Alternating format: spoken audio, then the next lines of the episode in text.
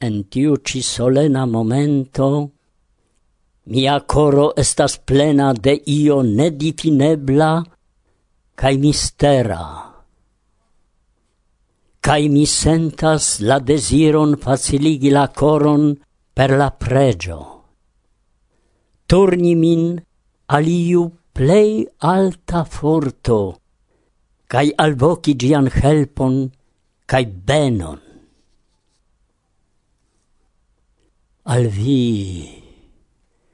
Ho potenza sen corpa mistero, fortego la mondon reganta. Al vi granda fonto del amo, cae vero, cae fonto de vivo constanta. Al vi cium ciui malsame presentas sed ciui egale in coro vin sentas. Al vi, ciu creas, al vi, ciu regias, hodiau ni pregias. Al vi ni ne venis cun credo nazia, cun dogmoi de blinda fervoro. Silentas nur ciu disput religia, cae regas nur credo de coro cun gi ciu estas ce ciui egala, cun gi la plei vera, sen trudo batala, ni staras nun filoi del tuta homaro ce via altaro. Homaron vi creis perfecte, cae belle, sed gis individis batale, popolo popolon natacas cruele, frat frato natacas shakale. Ho, oh, kiu ein, estas vi forto mistera, auscultu la vocion del pregio sincera, redonu la pazon alla infanaro del granda homaro. Ni juris labori, ni juris batali por reunu igil homaron. Subtenu nin, forto, ne lasu nin fali, sed lasu nin venci la baron. Donacu vi benon al nia laboro, donacu vi forton al nia fervoro, che ciam ni contrau atacoi sovagiai, nin tenu curagiai. La verdan standardon tre alte ni tenos. Gi signas la bonon cae belon, la forto mistera. Del mondo nin benos, cae nian atingos ni celon. Ni inter interpopoloi la muroin detruos, cae iliec cracos, cae iliec bruos, cae falos por ciam. Cae amo, cae vero, egregos sur tero. Cunigiu la fratoi, plectigiu la manoi, antauen cun pazai armiloi. Cristanoi, hebreoi au mahometanoi, ni ciui de di estas filoi. Ni ciam memoru pri bon del homaro, cae malgrau malhelpoi, sen halto, cae staro. Al frata la celo, ni iru obstine antauen, sen fine.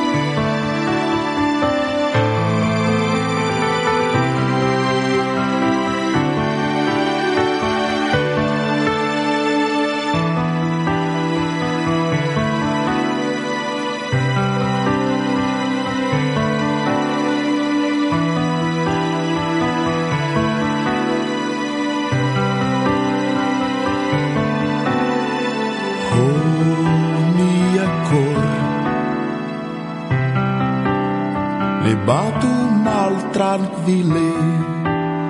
El mia brusto nun ne saltu for. Iam temi min ne povas mi facile. O mia cor o mia cor. Post longa laborado en decida hor suffice tranquilligio del batado.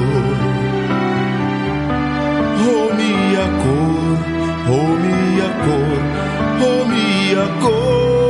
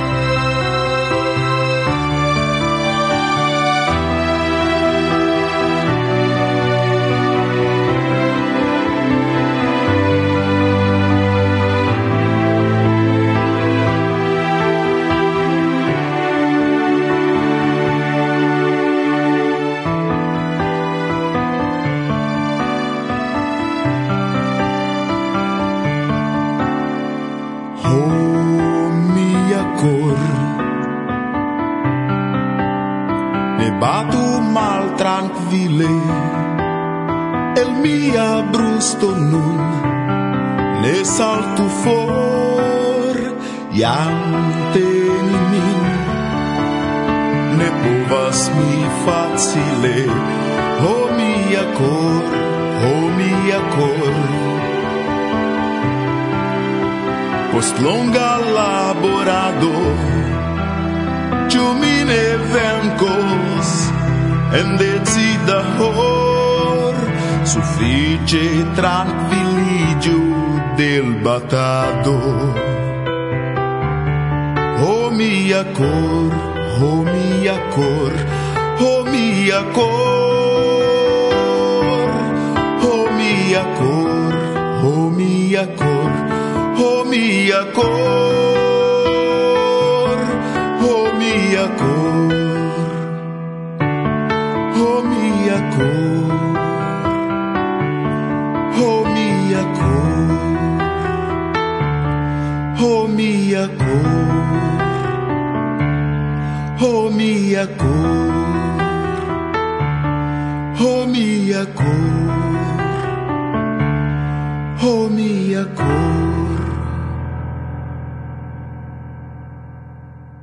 Varsovia vento.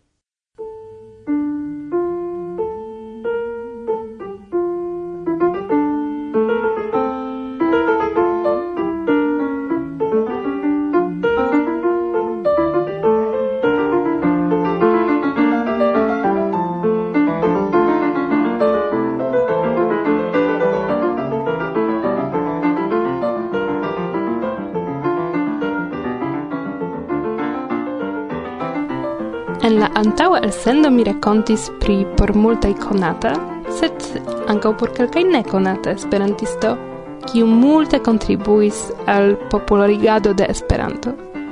Kiu aŭskultis, tiu scias pri kiu temas. Ankaŭ ĉifoje mi intencis rakonti pri iu grava persono de la movado, sed eh, last momente mi decidis, ke rigardos mi al nekonata konata temo iom alie char kiel ne? Kaj tiu penso aperis ce mi neatendite. Tiam mi giuis la klasikan muzikon kaj subite mi demandis min, ĉu se unu el miei plej ŝatataj komponistoj, Johano Sebastiano Bach, scius pri Esperanto, kia esperantisto li povus esti. Gullivero fakte li ne estis, sam kiel Mozarto kaj Schuberto sed sendube li havis fortan carismon. Sciis tio la unua edzino, kun kio li havis multain infanojn, sed ancau la dua, kun kiu edzinicis li post la morto de la unua. Sciis tion ancau la kredantaro, kiu ĝuis lian organajn koncertojn en diversaj preĝejoj. Tamen ne pri la historio de lia vivo temas – pri kiu sufiĉe multe vi povas legi in Wikipedio, Marek, aŭskultu, sed pripenso, kia esperantisto li povus esti, se li scius pri Esperanto kaj konis ĝin. Laŭ mi, konante lian verkaron kaj sentante lian muzikon, sendube li apartenus al la plej aktivaj samideanoj. Ĉiukaze certe pli ol ekzemple Mozart, kvankam tiu kun sia amo por la muzo kaj talento por improvizado probable brilus en salonoj simile al Antoni Grabowski, kun kiu ĉiuj esperantistoj volonte diboĉis.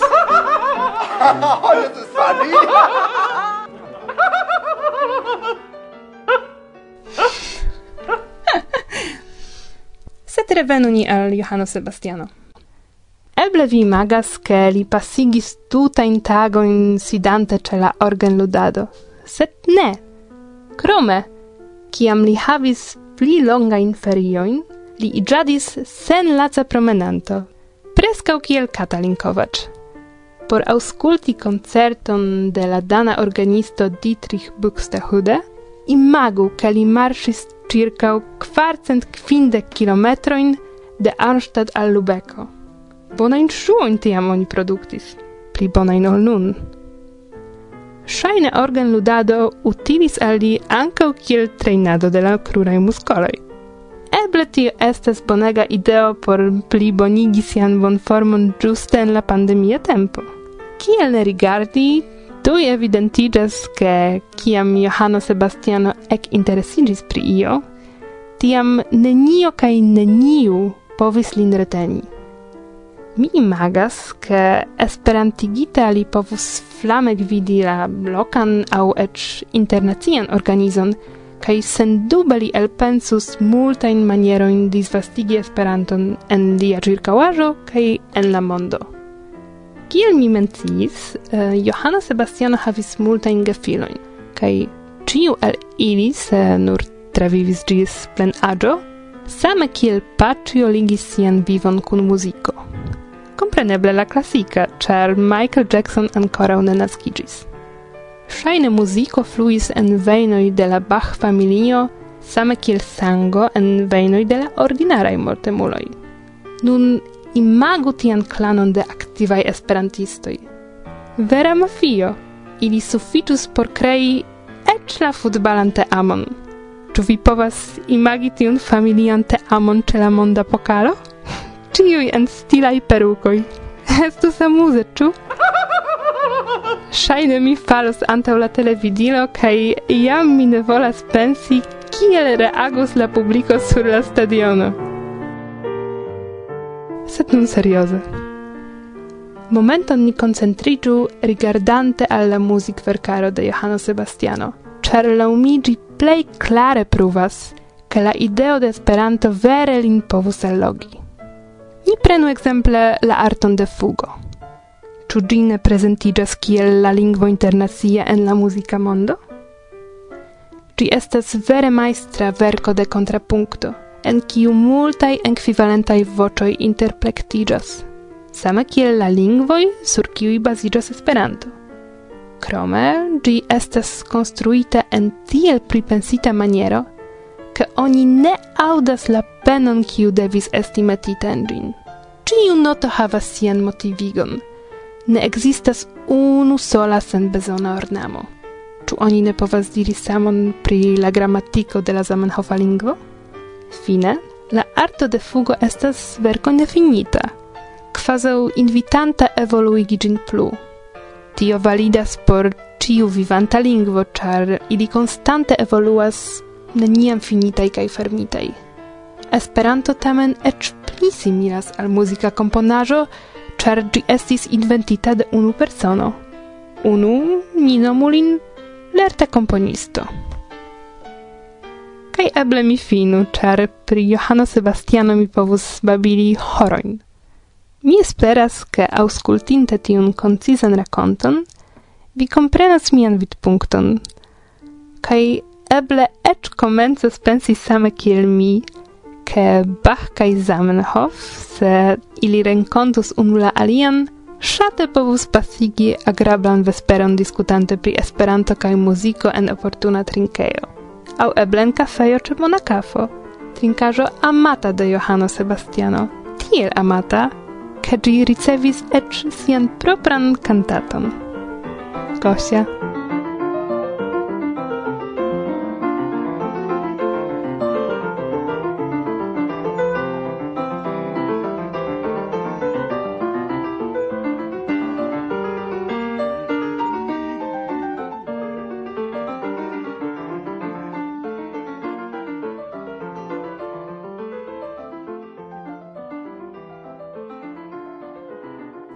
modesta estas nia conveno, la mondo extera ne multe scias pri gi.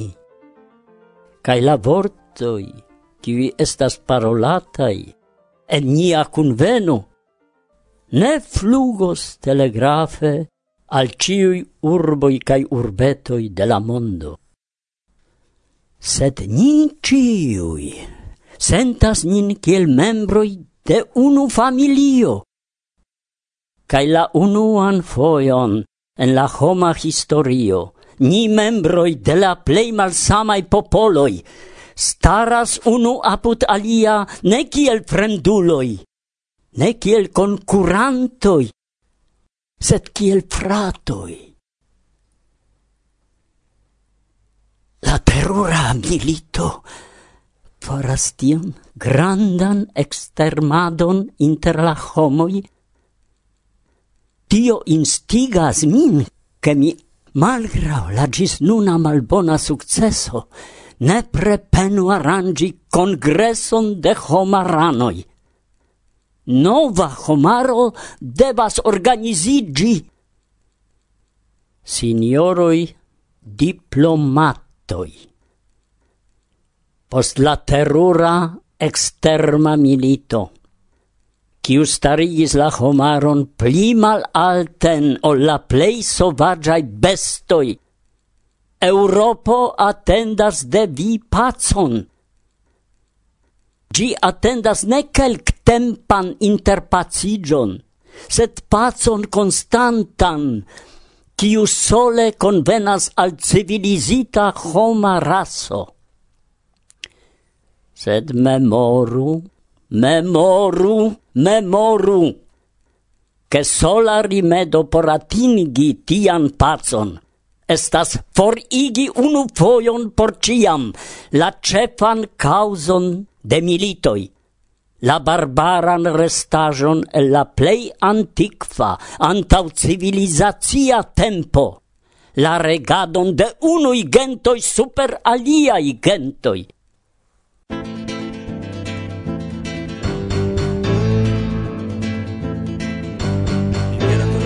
estas nur literaturo literaturo estas nur literaturo estas literaturo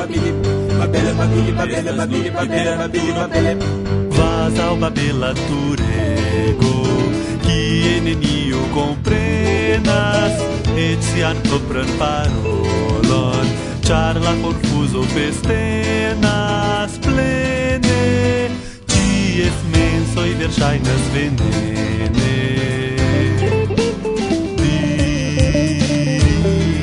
Je suis faux savant, je suis marchador in farre, hey caldo do ok Sentir carneval entrare é deixa aqui nesse divã E tinisa de goro quantos atrocos dei gracias que te abro um pouco raleia El bunin charlamos nestas sunin per la suna corca.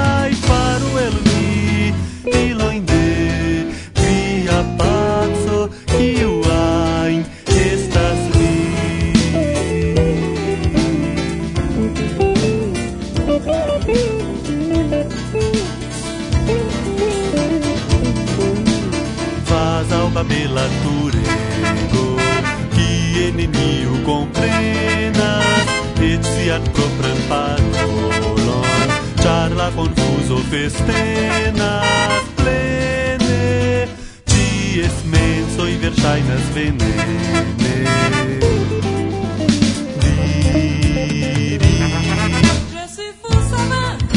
Gosto dorme em Ei, Raul, do Sempre carnaval entrar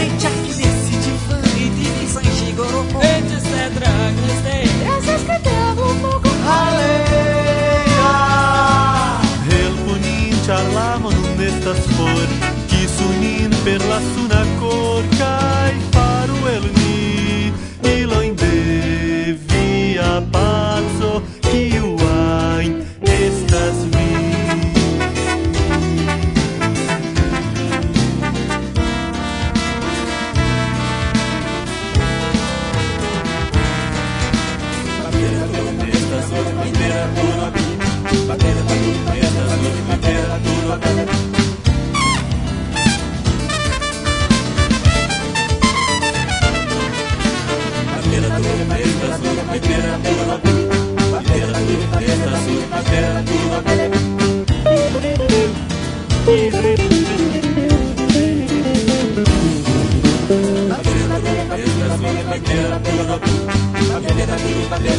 la primera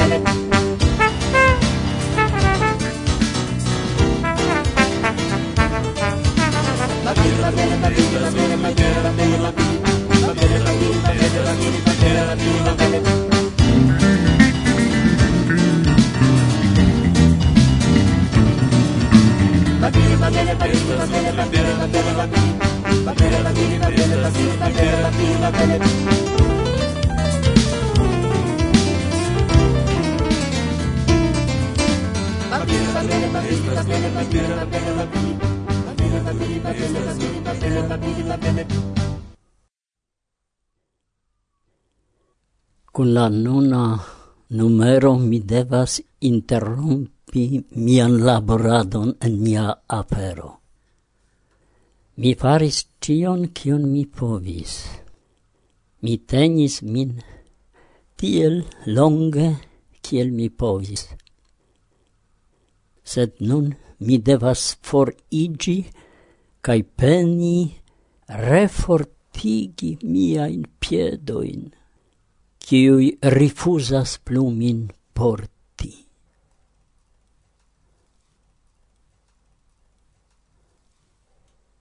Pluvas, cae pluvas, cae pluvas, sen cesse, sen fine, sen halte, el ciel alla terra el ciel alla ter.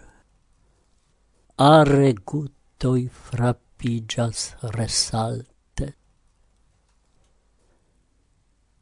Tra la sonoi del pluvo al mia orelo murmurado penetras mistera.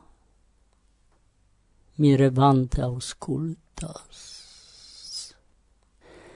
Mi volus cum preni. Cium diras la vocio aera?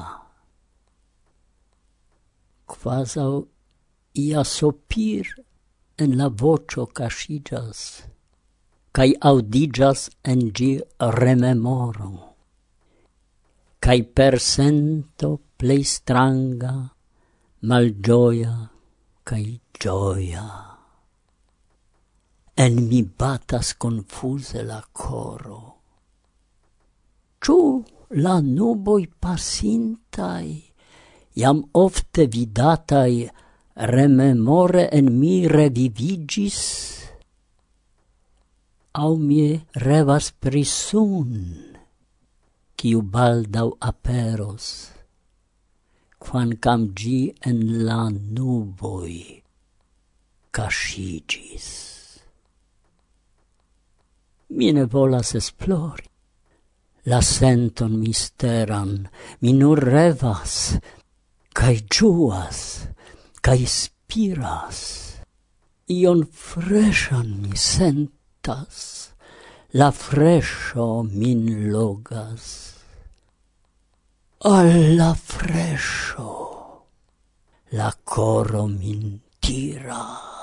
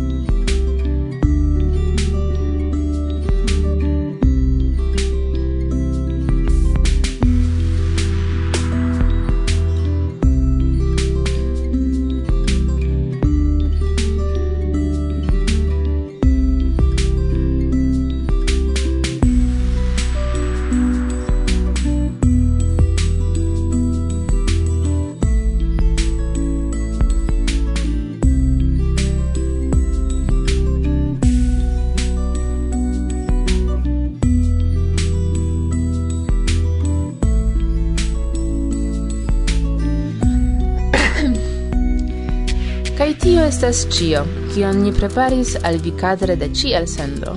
Kai la nova elsendo jam en la nova jaro. Februare. Kai kio en gi ancora un scias. Dume, dum atendado la sekva elsendo, esploru la arkivejon, en kiu vi trovos multe da interesaj materialoj kai auscultu nepre ancaŭ la aliajn podcasto in ke via lingvo kapablo marŝu antaŭen. Cion la plej, plej, plej bonan al vi, kara auscultantaro, okaze de Kristnasko, se vi el inter la kristanoj. kai se vi ne el inter la kristanoj, cion la plej, plej, plej, plej, plej bonan okaze de la nova jaro. Yes kai esperu ni, ke tamen estos pli bone, kai cio revenos pli kai pli en la normalecon. Neniam mi supposis che mi sopiros alla ordinara normaleco. No, tia vivo. Sanon kara antaŭ ĉio, sunon en la koro bon farton en la familia, profesia kai la esperantista vivo. Al vi ciui sen escepte kai dankon, koran dankon, ke vi estas kune kun ni. Do, gis la venonta elsendo en la nova jam jaro. En februaro. Yes. gis. Mi volas danki vin, signoro Ludovico. Mi volas danki vin per ĉi tiu. Mi volas danki vin, maljuna curacista.